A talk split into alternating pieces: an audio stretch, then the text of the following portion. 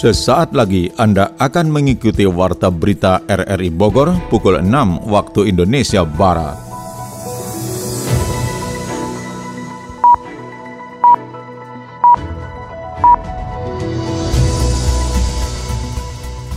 Selamat pagi. Saudara, Warta Berita RRI Bogor akhir pekan, Minggu 31 Oktober 2021, kami isi dengan rangkuman berita sepekan.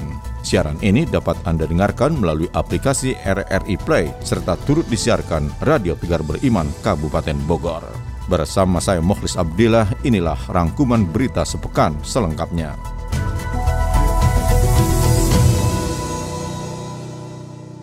Saudara, rangkuman berita sepekan kita awali dari Balai Kota Bogor. Sekda Kota Bogor, Syarifah Sofia bersama para kepala bagian di lingkup Sekretariat Daerah Kota Bogor di Balai Kota awal pekan ini mencanangkan zona integritas sekaligus menandatangani fakta integritas pelayanan. Lewat penandatanganan itu, pegawai Setda Kota Bogor berkomitmen untuk menerapkan nilai-nilai anti korupsi dan melawan korupsi bersama-sama.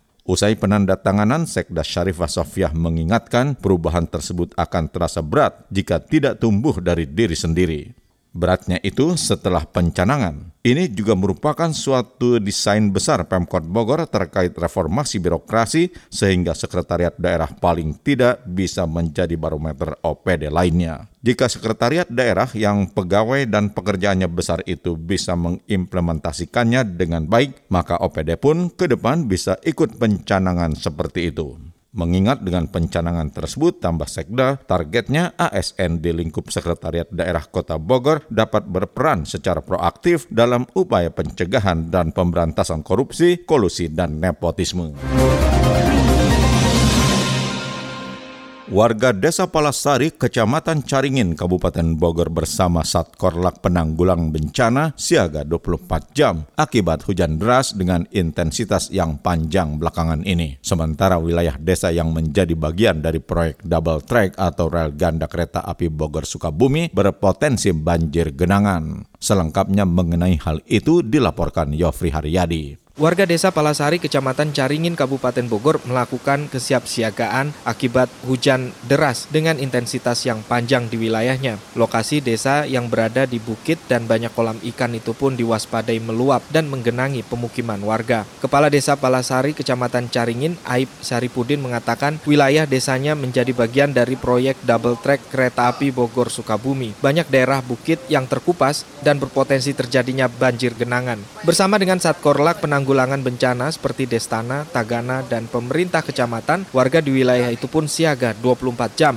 di tengah hujan deras di Kecamatan Caringin. Untuk memantau kondisi, situasi, lingkungan, eh, khususnya memang daerah-daerah yang memang tebingan ya, rawan longsor, paling menghimbau dan mengantisipasi ya, dan memonitoring lah ke lapangan langsung ketika hujan deras bencana ya alhamdulillah uh, eh, RW langsung melaporkan ke pihak desa termasuk ke kasih kesra ke sekdes juga sek selaku kepala desa dan kita langsung terus berkoordinasikan dengan pihak kecamatan sementara itu Dandim 0621 Letkol Syukur Hermanto mengingatkan kepada seluruh jajaran Babinsa di tiap desa untuk berkoordinasi bersama warga menghadapi ancaman banjir dan longsor. Memang musim hujan ini kan kita ada 24 lebih lebih kurang apa potensi apa bencana alam ya.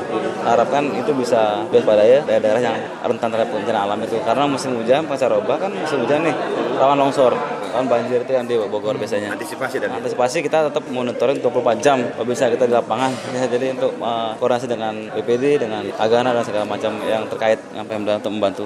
Akibat hujan deras yang mengguyur wilayah Kabupaten Bogor itu pun banyak dilaporkan terjadinya longsor dan genangan. Sebuah turap penahan tebingan setinggi 5 meter dengan panjang 10 meter di RT 02 RW 02 Desa Bitung Sari, Kecamatan Ciawi Bogor ambrol dan menutup sebagian badan jalan. Turap yang berseberangan berseberangan dengan perusahaan PT Jagarana Tama itu pun menutup saluran drainase di bawahnya dan berpotensi terjadinya banjir genangan. Masih di wilayah selatan Kabupaten Bogor, warga Kecamatan Cijeruk masih dihantui ancaman bencana longsor akibat hujan deras disertai angin kencang. Yofri Haryadi kembali melaporkan. Warga Kecamatan Cijeruk, Kabupaten Bogor masih dihantui ancaman besar longsor akibat hujan deras disertai angin kencang. Karena tidak sedikit dari warga di wilayah selatan Kabupaten Bogor ini menempati tebingan atau sebutan lokal mereka gawir untuk huniannya. Hal itu diakui Sekretaris Camat Cijeruk Fahrullah dan meminta kepada masyarakat Cijeruk Bogor untuk siaga dan waspada terjadinya bencana terlebih saat hujan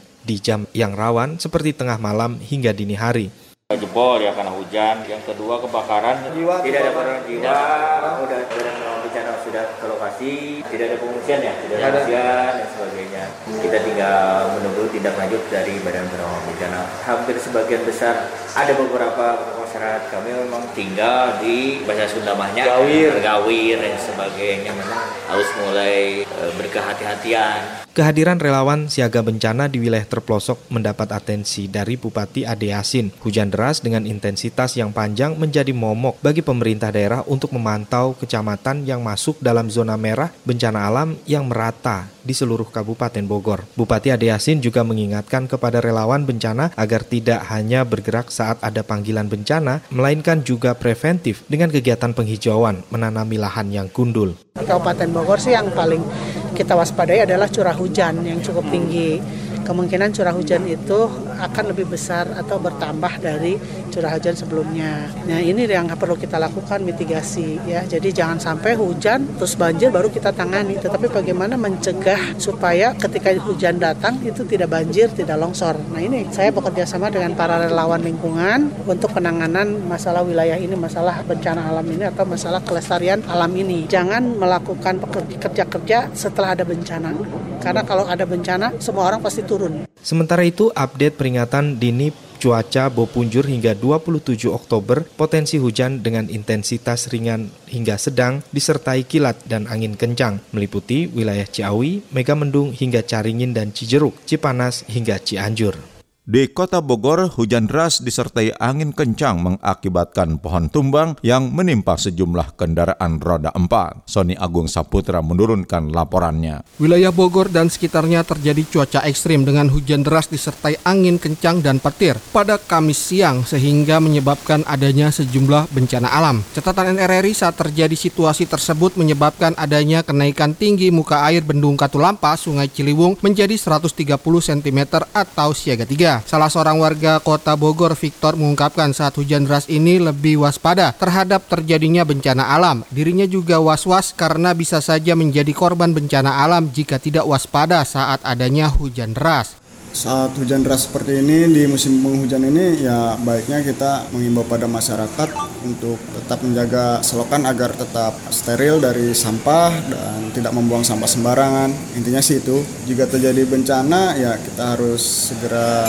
melapor kepada instansi terkait BPBD dan tim SAR Kota Bogor atau kabupaten untuk melaporkan kejadian bencana tersebut gitu dan mengevakuasi kita dari area bencana. Sementara itu BPBD Kota Bogor juga melakukan evakuasi terhadap kejadian bencana alam di sejumlah daerah. Kepala Pelaksana BPBD Kota Bogor Teofilo menjelaskan, saat hujan deras ini terdapat bencana alam, pohon tumbang di kawasan Ahmad Yani Tanah Sareal. Akibat kejadian itu sedikitnya dua kendaraan mobil ringsak tertimpa pohon tumbang. Beruntung tidak ada korban jiwa saat musibah itu terjadi. Tentu saja untuk langkah-langkahnya Nah, Presiden BPBD standby, on call, dan saat ini banyak kejadian seperti kejadian pertama, barusan dapat laporan ada pohon tumbang di teras air atau kuntum menimpa dua mobil. Personil sekarang di lokasi lagi pengerjaan, sementara masih hujan masih deras. Personil BPBD setempat masih bersiaga di sejumlah daerah kota Bogor untuk mengantisipasi adanya bencana alam seperti longsor dan banjir saat hujan deras melanda.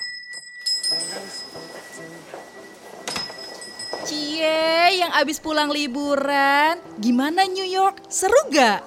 You know, seru banget. So many tempat famous like Times Square nih yang really really crowded.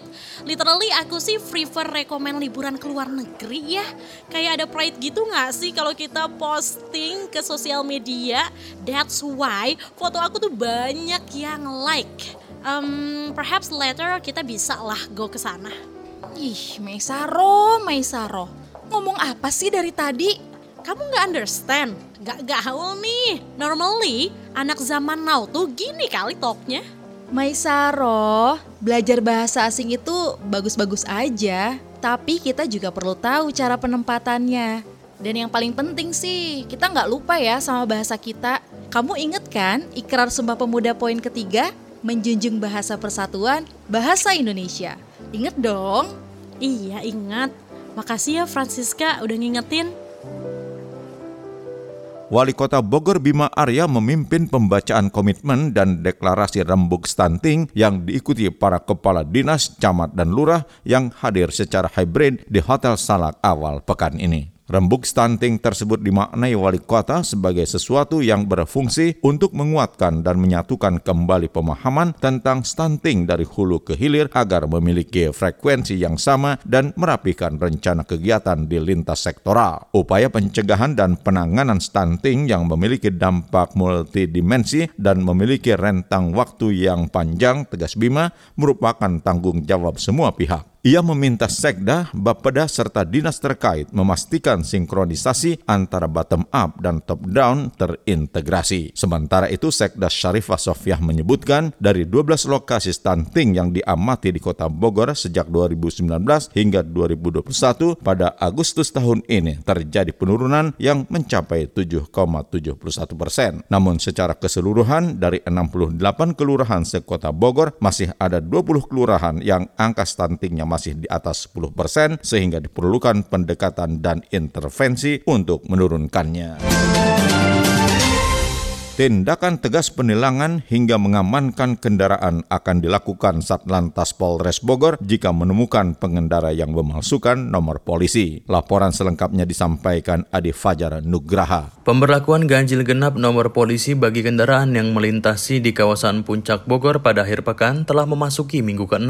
Hal ini dilakukan pemerintah Kabupaten Bogor bersama Polres Bogor dalam menekan kepadatan lalu lintas di Puncak sekaligus sebagai upaya pencegahan COVID-19 dari kerumunan masyarakat masyarakat. Kepala Urusan Pembinaan Operasi KBO Lantas Polres Bogor Ibtu Ketut, Laswarjana menjelaskan, seiring berjalannya kebijakan ini masyarakat sudah semakin paham bahwa ganjil genap menjadi upaya dalam menekan kepadatan mobilitas masyarakat di puncak. Terbukti dari pantauan di lapangan pada setiap akhir pekan, Ketut mengungkapkan pelanggaran ketidaksesuaian ganjil genap nomor polisi semakin menurun.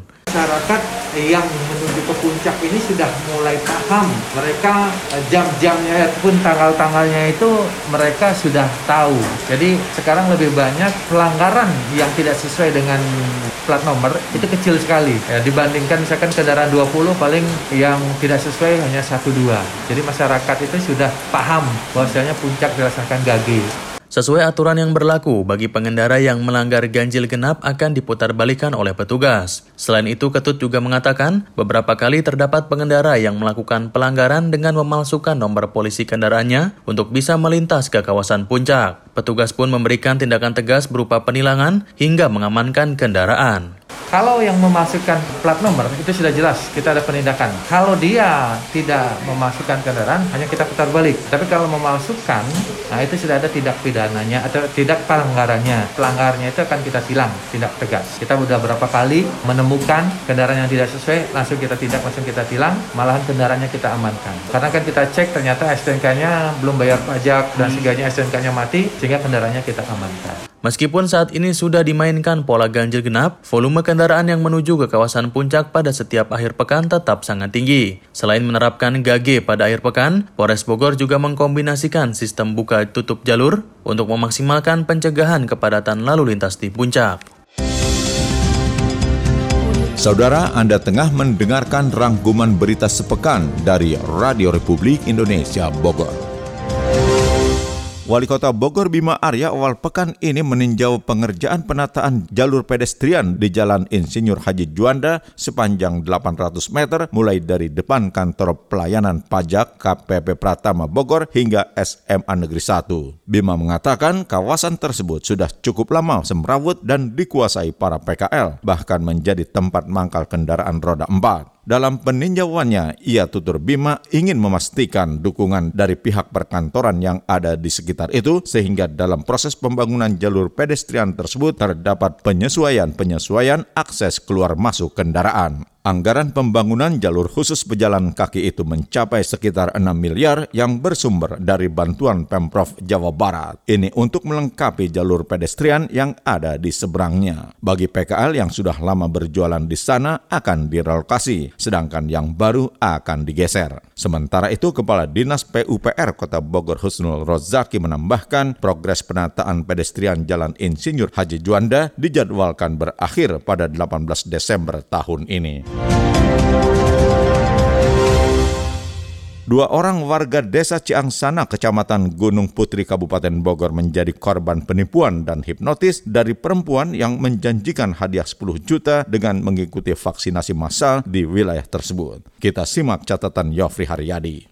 Dua orang warga desa Ciangsana, kecamatan Gunung Putri, Kabupaten Bogor menjadi korban penipuan dan hipnotis dari perempuan tidak dikenal yang menjanjikan hadiah 10 juta dengan mengikuti vaksinasi massal di wilayah setempat. Pelaku adalah perempuan berusia 30 hingga 40 tahun menggunakan sepeda motor Vario dengan nomor polisi B4743 KOY. Informasi itu pun segera diketahui Sarnin, Ketua RW 3 Desa Ciangsana, Gunung Putri Bogor melalui rekaman CCTV milik salah seorang warga. Sarnin pun menceritakan menceritakan kronologis dari dua warganya yang menjadi korban itu. Jadi ada dua korban, yang satu Mana, satu Mbak Tini, ini warungnya. Jadi dia tipu itu diajak untuk vaksin. Vaksin itu, tapi akan dapat hadiah itu sebesar 10 juta kan harus bayar dulu 3, 3 juta baru uang itu 10 juta akan diberikan kalau janjikan itu kalau kata si korban katanya mau dikasih dari Pak Jokowi termasuk si Mbak ini katanya harus pakai kerudung merah. Mbak Tini ini katanya nggak pakai kerudung merah ntar dari PDP ntar katanya dapat uang gitu. Ternyata sampai sore itu ditunggu-tunggu nggak ada. Dua warga yang menjadi korban adalah seorang ibu rumah tangga berusia di atas 50 tahun. Ibu Ana seorang pedagang warung kelontong mengalami kerugian 2 juta rupiah. Dan Ibu Karniti pedagang sayur keliling menjadi korban dengan kerugian 500 ribu rupiah. Ibu Ana pun menceritakan awal dirinya terkesima dengan sosok yang mengaku bernama Yuli untuk menyerahkan fotokopi identitas hingga menjanjikan akan ada petugas dari bank yang akan memberinya uang tunai 10 juta rupiah setelah mengikuti vaksin. Cerita tentang vaksin, saya berjualan mungkin mengasih cabai, katanya mak buru-buru pulang vaksin. Kata saya, kapan kak vaksinnya sekarang? Banyak hujan, saya lu hujan mbak, sekarang aja katanya pulang gitu. Keluarin hmm, katu kakak kakak jeng itu kakak palsunya jeng keterangan itunya lagi. Dicari ke saya ke sini dibawa. Kita angkat di ke bawah dan media pengen pulang eh pengen ikut ke bawah kacang kata saya jangan. Surat duluan baru saya ngambil lagi minta umang ngambil uang. Saya uang yang bayar motor kata saya. Udah udah pak. Katanya ada ada dua tiga juta cina. Kalau nggak ada tiga juta cina dua juta setengah buat itu katanya jeng kecu saya ditalangin katanya. Begitupun dengan Ibu Karniti, pedagang sayur keliling yang terkecoh dengan mulut manis Yuli hingga menyerahkan uang modal dagangannya demi mendapat 10 juta rupiah dari Presiden Jokowi. Nah sok kenal, sok akrab sama budemu katanya gitu. Aku udah melongo iya-iya aja. Nah itu bilang vaksin, udah gitu nih vaksin, ada vaksin lagi, sini tapi mintain kakak sama KTP fotokopinya kalau mau vaksin nanti dikasih duit 10 juta tapi ada jaminan 3 juta. Aku nggak ada duit segitu. Adapun duit warung buat putar-putar ada duit kayak paling 300 apa 500 tak gituin. Itu dapat jualan kemarin. Meski keduanya sudah mengikuti vaksin mereka pun menunggu hingga sore bahkan malam hari uang 10 juta yang dijanjikan. Uang tersebut dijanjikan akan diberikan oleh petugas dari bank ke rumah mereka masing-masing. Kasus itu pun telah dilaporkan kepada pihak Polsek Gunung Putri untuk diungkap lebih lanjut. Sementara ciri-ciri pelaku sudah sangat jelas diperoleh dari rekaman kamera CCTV warga RW 3 Desa Ciangsana, Gunung Putri Bogor. Warga kampung Situ Berem, Kelurahan Bojongkerta, Kecamatan Bogor Selatan, Kota Bogor, mendapat bantuan pembangunan instalasi pengolahan air limbah IPAL dari Kementerian Lingkungan Hidup dan Kehutanan KLHK dan Komisi 4 DPR RI. Bantuan diserahkan secara simbolis disertai arahan pemanfaatan IPAL oleh Wakil Wali Kota Bogor Dedi A. Rahim di Gedung Laguna Bogor Lakeside pertengahan pekan ini. Dedi menyebutkan di kota Bogor hampir 80 hingga 90 persen air sungai dimanfaatkan Perumda Tirta Pakuan untuk air bersih atau air minum. Untuk itu, dengan pembangunan IPAL tersebut, sungai di kota Bogor terhindar dari pencemaran dan bisa terkelola dengan baik. Sementara itu, anggota Komisi 4 DPR RI Endang Setiawati Tohari mengatakan bantuan tersebut merupakan hasil kerjasama pihaknya dengan Direktorat Jenderal Pengendalian Pencemaran dan Kerusakan Lingkungan Kementerian Lingkungan Hidup dan Kehutanan. Ini untuk pertama kalinya ada program instalasi pengolahan air limbah atau IPAL komunal untuk umum. Program tersebut sangat penting bagi masyarakat di daerah perkotaan dengan pemukiman yang sangat padat atau di tepi sungai agar limbah rumah tangga tidak dibuang sembarangan. Ia berharap IPAL tersebut dikelola dengan baik. DPRD Kabupaten Bogor meminta penataan kawasan Sentul dan Cibinong Raya dirasakan langsung manfaatnya oleh masyarakat. Berikut laporan Adi Fajar Nugraha. Pemerintah Kabupaten Bogor tengah berfokus pada penataan kawasan Sentul dan Cibinong Raya untuk memperbaiki infrastruktur dan sarana publik. Anggaran 250 miliar rupiah dikucurkan Pemkap Bogor dalam langkah perbaikan infrastruktur yang diberi nama City Beautification Project. DPRD Kabupaten Bogor pun menyoroti soal prioritas penataan tersebut untuk dapat dirasakan oleh masyarakat. Wakil Ketua DPRD Kabupaten Bogor Agus Salim mengatakan penataan yang dilakukan Pemkap Bogor harus bertumpu pada kepentingan masyarakat yang akan merasakan pembangunan infrastruktur itu. Dengan adanya program penataan, Kabupaten Bogor bisa memiliki ikon baru dan diharapkan dapat meningkatkan minat wisatawan datang dan mendorong peningkatan pendapatan asli daerah. Kabupaten Bogor ini memang butuh muka, sesuatu yang kemudian bisa jadi ikon ya. Ketika orang masuk Kabupaten Bogor, mukanya Kabupaten Bogor itu mana sehingga memang cantik. Dengan rapinya kota, kemudian masyarakat juga kemudian bisa datang, mungkin itu juga akan menjadi daya tarik tersendiri untuk keindahan Kabupaten Bogor dan bisa naikkan BAD.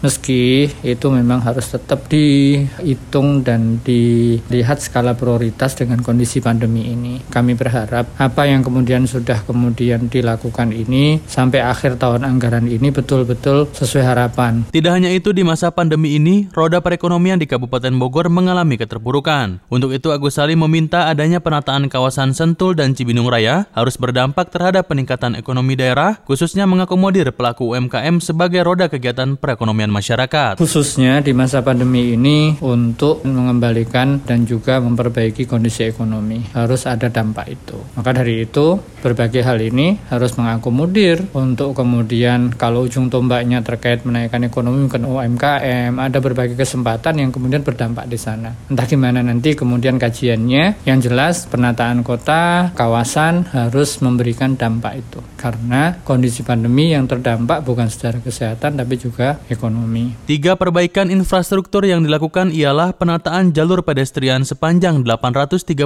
meter di Jalan Edioso kawasan Stadion Pakansari. Kedua kawasan Tegar Beriman akan menjadi pusat perkantoran dan terakhir kawasan Simpang Sentul hingga Simpang Kandang Roda akan menjadi akses olahraga untuk masyarakat. Penataan kawasan tersebut tidak lebih dari sekedar menata, tetapi juga demi mewujudkan integrasi antar moda angkutan yang membuat nyaman perjalanan bagi masyarakat.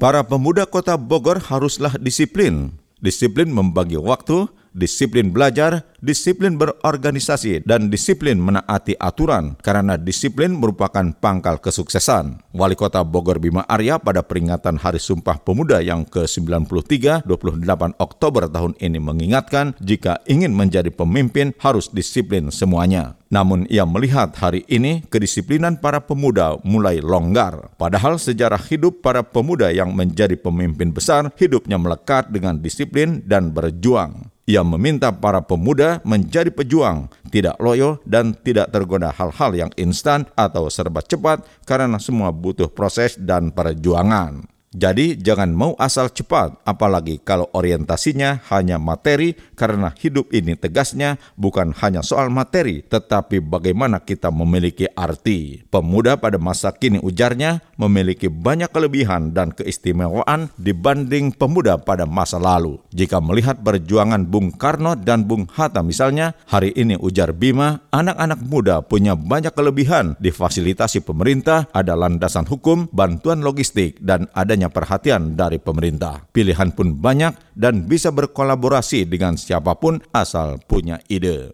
Untuk itu, dalam kondisi yang serba lebih mudah dibandingkan masa lalu, peran pemuda Tegas Bima seharusnya bisa jauh lebih mampu dan dahsyat.